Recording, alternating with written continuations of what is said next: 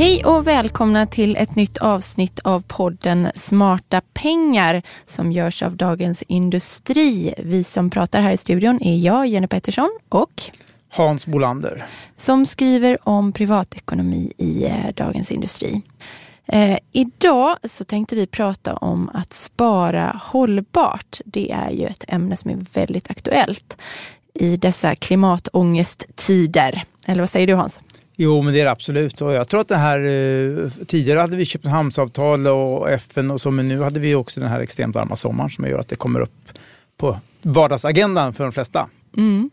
Men frågan är vad, vad det här med hållbart sparande betyder egentligen. Och både, du har skriv, både du och jag har skrivit en del om det här Hans. Och vi ska försöka då eh, reda ut eller lista lite olika alternativ som finns för privatsparare som tycker att den här frågan är viktig. Och det är väldigt många som gör det har man sett i undersökningar. Men innan vi går in på de konkreta alternativen så tänkte vi ska prata lite om grundprinciper och kanske filosofier kring det här med Eh, eh, sparande och hållbart sparande och så. Eh, för det kanske finns några saker man ska hålla sig till oavsett hur man sparar. Ja, ja det gör det ju verkligen. Jag tycker att man ska inte glömma bort de här gamla hetiga budorden när det gäller sparande. Kolla avgifterna, kostnaderna för sparandet. De får inte vara för höga, eller omotiverat höga kan man säga. Kräv att det är kvalitet i förvaltningen. Så att på lång sikt ska du få en avkastning som, om du betalar för aktiv förvaltning, ska du få en avkastning som överstiger index på lång sikt. Det kan man göra via fondbutiker och liknande. Man får inte släppa de här sakerna. Och sen tycker jag också man ska se det här är ju reklam, hållbarhet, det, man säljer ju sparande. Man köper inte sparande.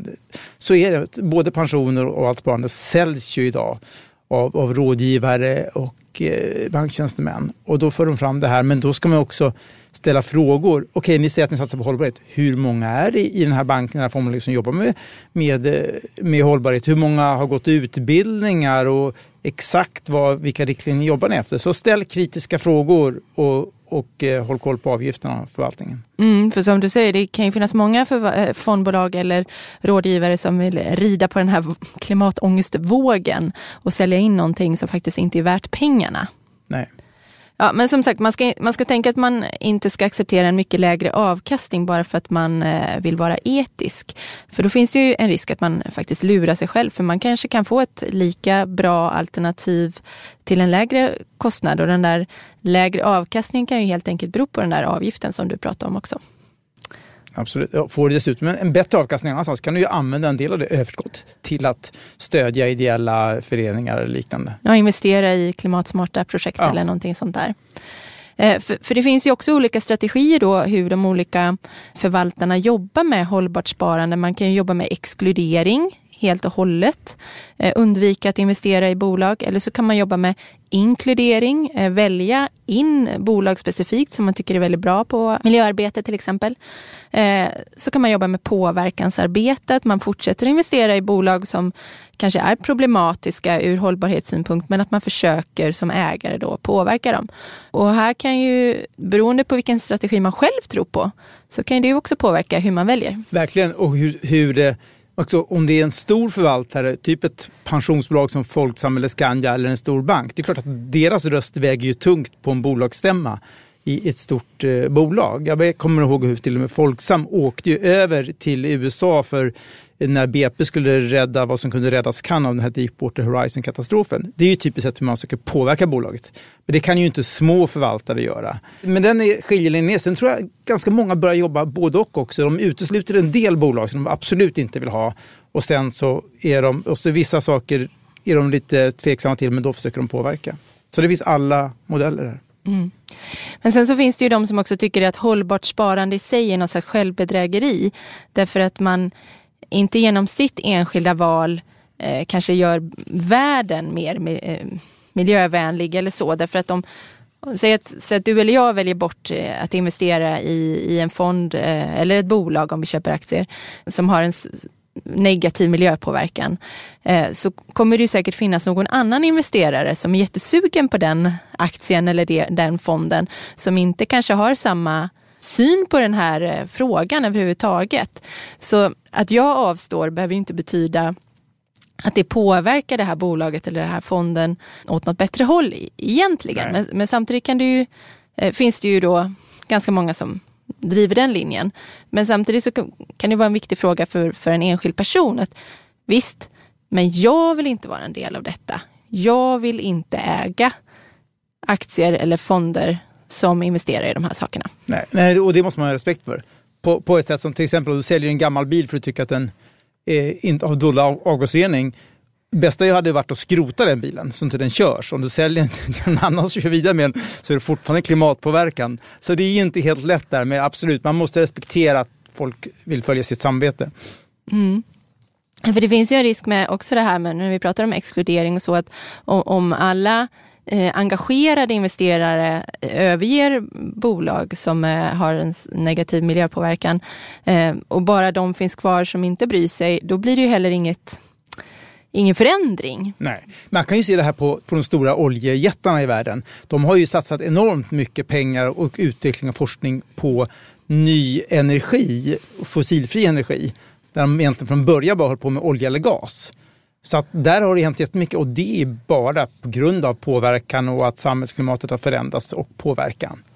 Men med alla de här förbehållen då och eh, ja, olika synen på hållbart sparande, så hur ska man då göra som privatperson? Eh, det finns olika märkningar som i sig baseras på olika kriterier. Det är lite av en djungel det där. Eh, begreppet hållbarhet är väldigt brett. Det kan betyda olika för olika aktörer, det har vi varit inne på. Men eh, det finns ju några saker man kan titta på då. Vi har eh, svanenmärkta fonder numera, ett femtontal ungefär. Exakt, de, de, är väldigt djupgående i sina krav på fonderna, hur de ska förvalta, eller hur? Mm, de har ju väldigt eh, strikta krav. Eh, de får till exempel inte investera i bolag då som sysslar med kol eller producerar tobak eller kontroversiella vapen. Eh, en stor andel av eh, investeringarna måste vara i bolag som då har ett starkt ESG-betyg. Och det här är ESG, det är ju ett sånt där centralt begrepp eh, inom den här världen. Det står ju då för eh, environmental tror jag, eh, social och governance. Det handlar ju dels om miljöarbete men också socialt, alltså ansvarstagande, mänskliga rättigheter och så. Och governance, då pratar man ju också om ägarstyrning Precis. och sådär. Så att, det finns ju liknande FNs, FNs tio princip, principer också där man också ska följa en, någon typ av FN-stadga kan man säga när det gäller de här sakerna. Så det finns några olika att, att hålla sig till. Mm. Så där lägger Svanen en stor vikt vid att det ska vara en stor del av arbetet. då.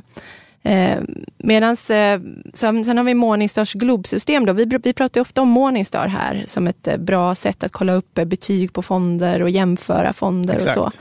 De har ju också sedan ett par år tillbaka ett system för hållbarhet. Men det är också väldigt brett. Där, ja, du, du skrev om det där, du upptäckte att det finns vissa det, de, de, framförallt så jämför man lite grann äpplen och päron om man inte passar sig där. Ja, man kan ju då eh, titta på till exempel en populär fond, eh, Didner och Gerges globalfond. Den är svanenmärkt, men den har bara tre av fem Morningstar-glober, vilket ju känns lite motsägelsefullt då. Men det handlar ju om att man har helt olika kriterier i de här märkningarna. Morningstars Globe tittar ju mycket på kring risk då, att man inte ska investera i onödiga risker utifrån de här ESG-principerna då. Det kan ju vara fossila bränslen som att att en stor exponering mot fossila bränslen ses som en stor risk därför att man kan förvänta sig ja, lagförändringar på, på, globalt på det här området eh, längre fram. Då. Men det kan också handla om helt andra perspektiv än miljö då, som mm. handlar kanske mer om ägarstyrning och sånt. Och därför blir de inte jämförbara de här. Nej, eh, och det är ingen lätt fråga. Bilindustrin till exempel, är det en risk eller inte? Ja, det är en risk för att det merparten ger fossilfria bränslen. Å andra sidan ställer de om i hög fart till elbilar och liknande. Så att, ja, det, det, är inte lätt. Det är inte det. Vi har också Climetrics. Det är en europeisk märkning som eh, betygsätter hur, vilket klimatavtryck europeiska fonder eh, gör. Eh, och det är också 1 till 5. där fem då är bäst. Och där finns flera svenska globalfonder har ju högsta betyg i den rankingen. Så det kan man ju titta på också. Det finns en hemsida, Climetrics, och där är alla fonder som har de högsta betygen kan man se gratis. Annars så är det en tjänst man får köpa dem. Mm. Men det behöver man inte för att hitta de eh, topp, toppalternativen. Det finns ytterligare någon. Va? Det, eh, nej men jag tänker också på att pensionsbolag är också, de har ofta ganska hög svansföring när det gäller etik och de har anställt väldigt många fler. Jämfört med fem sex år tillbaka så är det väldigt många fler som jobbar med hållbarhetsfrågor och eh, ansvarsfulla investeringar. Så, men där får man, och där görs det lite externa granskningar av till exempelvis eh, Max Mathisen och Söderberg Partners. Men, eh, så där får man, och vi ser ju också där, där, faktiskt, där, där händer det att sparare reagerar ju med fötterna även när, framförallt när det handlar om stora skandaler när det gäller kanske ersättningsnivåer till chefer eller liknande. Men, eh, så att därför lägger han, men där tycker jag också, där får man läsa på, gå in på sajterna och se hur de jobbar. Till exempel är ju, de svenska pensionsbolagen driver ju på mot gröna obligationer. Och gröna obligationer, jo det är sådana som ska investeras till klimatsmarta eh, projekt kan man säga. Så där har, ju, där har ju de betytt rätt mycket och det är en enorm efterfrågan på gröna obligationer och det är pengar som går direkt till att investera i klimatomställningen. Mm. Men man kan väl generellt säga att eh, den lägsta nivån har ju höjts väldigt mycket på det här området på ja. de senaste fem fem, tio åren. Absolut. Så att idag så finns det ju en ganska stor medvetenhet oavsett om en fond eh, har något eh, namn som anger att den arbetar med hållbarhet så finns det ju ganska utbrett trots allt. Så man får ju höra sig för helt enkelt. En eh, sista grej man kan kolla som privatsparare är ju också hållbarhetsprofilen. Eh, det är ehm, Eh, Sveriges forum för hållbara investeringar som ligger bakom den, där också fondbolagens förening har varit inblandade i att ta fram eh, vissa standarder för det. Då. Där kan man gå in på, om man eh, googlar hållbarhetsprofilen, kommer man till den hemsidan. Där kan man välja in olika kriterier som man tycker är viktiga. Och så får man upp en lista på fonder och så får man liksom söka sig vidare då och läsa mer om de specifika fonderna eh, vad de gör på olika områden. Till exempel om man inte vill att de ska investera i, i fossila bränslen eller kontroversiella vapen och så. Då, så får man liksom en rensning där redan mm. från början. Mm. Så det finns de här olika verktygen att använda. Men man får vara medveten om att de är, är, inte går att ställa riktigt mot varandra och att de inte är heltäckande. Nej. Som till exempel, vi pratar här om Morningstars globsystem. Det bygger på en analys av ett bolag som heter Sustainalytics. Eh, och de tittar ju framförallt på stora globala bolag och svenska bolag. Då. Och då finns ju till exempel småbolagsfonder oftast inte, har oftast inget Nej. betyg i det här systemet överhuvudtaget. Då, eh, eftersom de, de bolagen inte har blivit analyserade. Där kan man göra det enkelt för sig som sparare. Man kan gå in och titta på fondernas 5-10 största innehav, titta vad det är för bolag och sen läsa på lite om bolagen så kan man ju själv faktiskt göra en snabbkoll. Verkar det här en, enligt mina etiska tankar, är det här vettigt att investera i den här fonden? Mm. Men nu har vi ju pratat om det här, vad man kan göra som privatperson, men frågan är, finns det annat som kanske har större genomslag?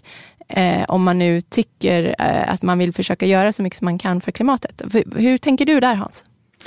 Ja, alltså personligen i livsstil så, så att jag är verkligen ingen klimatfundamentalist på något sätt. I familjen så vi äter mindre rött kött idag, så är det och eh, använder ogärna bilen. Det, men det har ju varit så i hela mitt liv. Att jag gillar verkligen inte att köra bil i storstad och sitta i köer. Och jag går eller cyklar nästan alltid till jobb och så har jag för mig att kunna bo så jag kan göra det. Det är inte alla som kan. Köpt en värmepump till eh, fritidshus och så. Mm. Men allt det här är ju också bra för plånboken så det har ju, som privatekonom så har det ju dubbla syften så att säga. Men eh, och också har det ju en bonus att ju mer du använder kroppen och så, så är det ett ökat välbefinnande. Och så gör, framförallt så tror också i familjen, är vi som många andra bättre på återvinning. Man tänker på miljön när det gäller konsumtion. Mm att man behöver inte köpa alla dessa prylar av plast och metaller. Så att, men sen är den stora boven om man gör sådana här kontroller är ju flygresor. Det är ju enormt, när jag tänker på koldioxidavtryck man gör.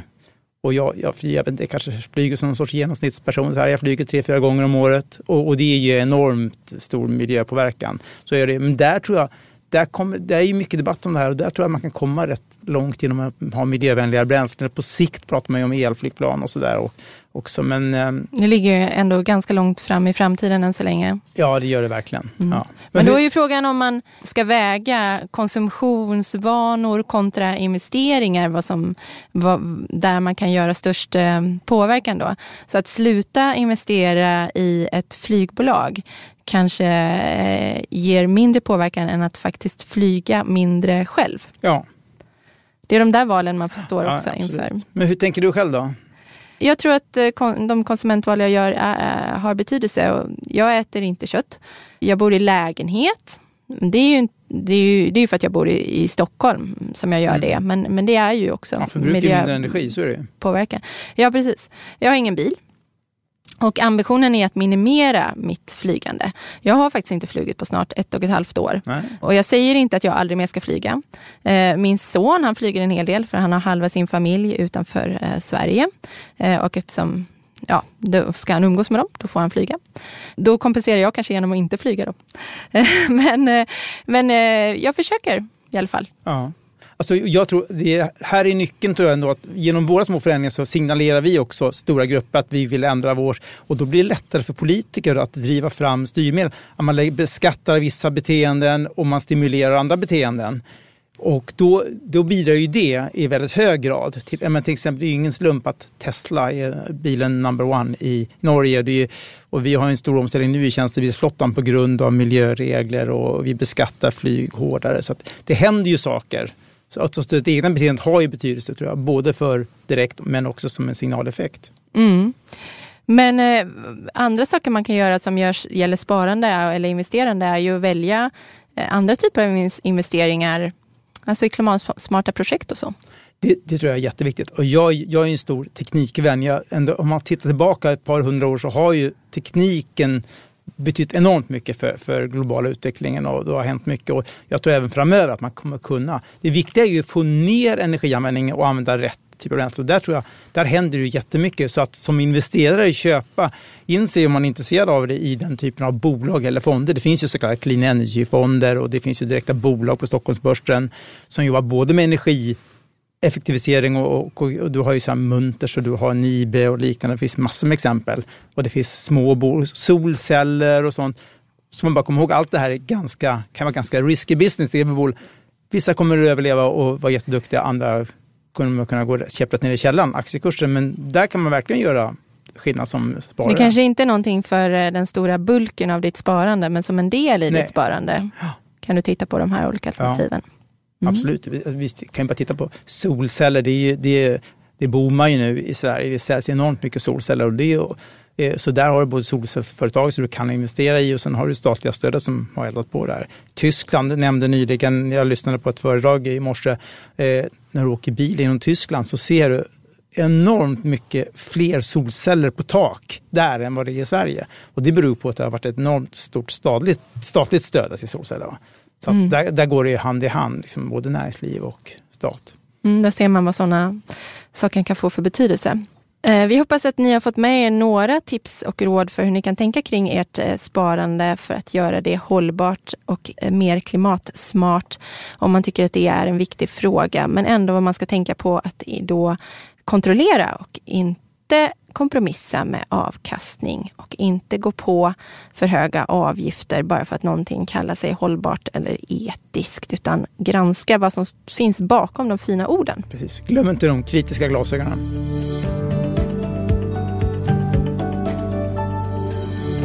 Vi ska avsluta dagens podd med ett plånbokstips. Och idag tänkte vi ta upp Eh, fondsparande och var man ska ha det någonstans. Eh, med den här turbulenta börsen vi har sett de senaste veckorna så kan det ha uppstått ett lite nytt läge, eller vad säger du Hans? Jo, men absolut. Eh, det, det gäller framför allt de som har sparat länge, som har kvar fonder och aktier på vanliga depåer där man har en latent skatteskuld. För det, när, den dag man säljer med vinst så blir det 30% reavinstskatt. Nu har börsen eh, gått ner sen toppen, i alla fall en, ja, runda slänga säger vi 10 procent. Då kan man utnyttja det här. Och för det första kanske man har både vinster och förluster. Och det är ju den bästa av världar på så sätt att kan du, om du säljer de här under det här kalenderåret kan du kvitta dem mot varandra på deklarationen så det blir ingen skatt. Det, blir inget, för vi vet, det finns mycket gamla allemansfonder så här, som har jättemycket pengar som, man, som sparare inte vill ta fram till beskattning. Men man kan också nu efter en nedgång sälja, för då betalar du ändå lägre skatt nu än vad du gör om du behåller den och, fort, och, det, stig, och det tar fart på nytt. Och så kan du då sätta in, du kan ju köpa motsvarande, eh, hitta lite bättre och billigare fonder men då använda till exempel en ISK eller kapitalförsäkring. För då blir det en låg årlig skatt istället för den här reavinstskatten. Framförallt hämna, tycker jag den hämmar rörligheten och konkurrensen. Och det är därför också många avstår från att sälja för att de tycker att det är jobbigt att betala den här skatten. Men om man gör det nu, river av plåstret nu, det gör mindre ont och så investerar du i någonting bättre. Men du, det finns en, någon Ja, men då tycker jag man ska se upp här för att det finns ju faktiskt någonting som man kanske ska flytta åt andra hållet. Från ISK till en depå istället. Och det är ju det här med räntefonder. Eh, det har ju varit en diskussion ända från sedan ISK kom till att det krävs en viss avkastning för att det ska vara lönsamt. lönsamt. Alltså som ett bra, att det ska vara ett bättre alternativ än att ha det ett, en depå, ett direktsparande i en, i en räntefond eh, eller vilken fond som helst. Och just nu är ju skatten på en nivå att det krävs en avkastning på 1,5 procent för att det ska vara ett bättre alternativ med ett ISK. Det där förändras ju hela tiden med räntan. Eh, nu är ju avkastningen i räntefonder extremt låg eh, och den kommer ju sannolikt kanske då att stiga, när ränt, men då stiger ju också ränteläget vilket vilket påverkar skatten på ISK. Just så det, det, där är ju som... Den släpar efter med ett år, ett års eftersläpning ja, ungefär. Ja, precis. Men eh, så fonder med förväntad lägre avkastning ska man inte ha på ett ISK. Eh, och jag kollade med Avanza och det är faktiskt så att ungefär 30 procent av räntesparandet eh, som finns hos dem finns på ett ISK. Oj, det är förvånande ja, högt tycker jag. Det, det, kan ju vara helt okej om man tänker sig att man parkerar pengar där ja, ja. tillfälligt i väntan på, eh, ja man kanske ska köpa på sig nya aktier eller aktiefonder men väntar in ett speciellt tillfälle eller så. Men för ett långsiktigt sparande så är det en förlust, förlustaffär så att de ska man flytta åt andra hållet. Det var våra tips för idag. Lyssna gärna på andra poddar som DI har också. Vi har ju eh, DI Morgonkoll, Analyspodden, Digitalpodden. Vi har eh, Makrorådet och Förnuft och känsla också. Mm, alla mycket bra. Eh, Smarta pengar redigeras av Umami Produktion och ansvarig utgivare är Peter Fällman. Tack för idag. Hej! Hej då!